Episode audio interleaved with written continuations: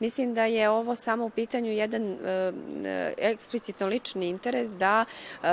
nekako iskoristi najbolji politički moment kada će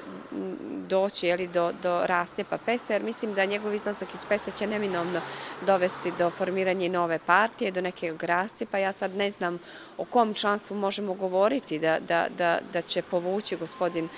Milatović i koliko će to uticati i da, na to da okupi nezadovoljno članstvo i birača i PES-a, ali i drugih partija. Ovdje prije svega mislim na one partije koje su veliki oponenti gospodina Spajića, jer prisjetimo se, gospodin Milatović kao predsjednik države nije E, propuštao nijednu priliku da javno kritikuje gospodina e, e, Spajića kao premijera i vjerujem da neće ni sada propuštati šansu da njegove oponente među političkim partijama i među različitim političkim strukturama okupi. Tu prije svega mislim danas na URU, na demokrate zbog bezbjednostnog sektora, eventualno naravno DEF sa kojim je Spajić možda trenutno u dobrim odnosima, ali ako se prisjetimo istorije njihovih odnosa, više je to bilo kritike e, i e, želje za ne saradnjom, nego za nekom većom e, koalicijom, tako da vjerujem da Milotović ima dosta značajan manevarski prostor, iako sada kreće od nule. U ostalom nisam sigurna da li će svi poslanici PES-a i dalje podržavati vladu u parlamentu ili će i tu doći do nekih promjena. Nisam sigurna sada da neće se iskoristiti svi ovi momenti da Spajić bude pod još većim, većom kritikom,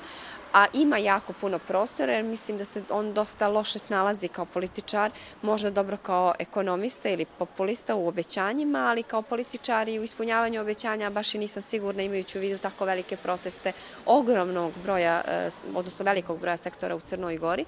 I u ostalom finansis, inflaciju, finansijsko stanje u, u državi, neispunjavanje političkih kriterijuma, iako su se u parlamentu stvorili preduslovi za velike promjene, mi i dalje nemamo početak ključnih e, reformi koje zavise od vlade, ne samo od drugih grana vlasti. Tako da mislim da će gospodin Milatović i oponenti gospodina Spajića sada imati razlog više da bude, da budu ujedinjeni i da taj moment e, iskoriste, da kažemo, protiv njega. I nisam prosto sigurna da će Spajić prosto ići možda na neki druge, e, drugi plan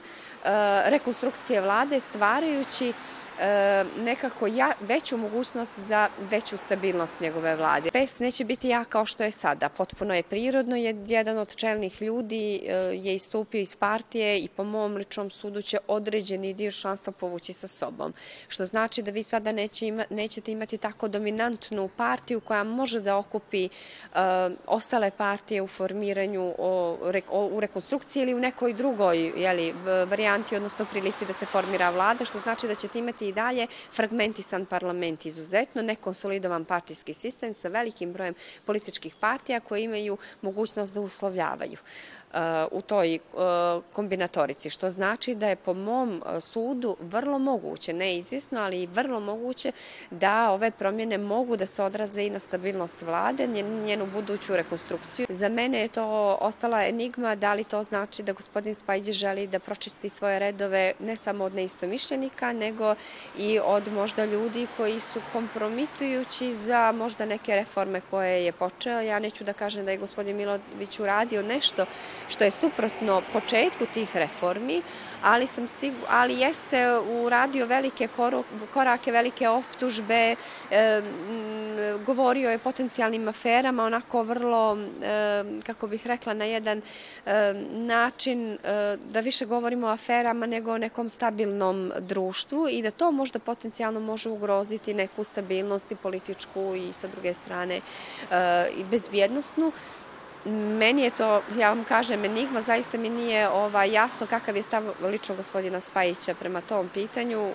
Gospodina Milovića mora, po mom ličnom sudu, razričiti, iako nisam pravnica Skupština.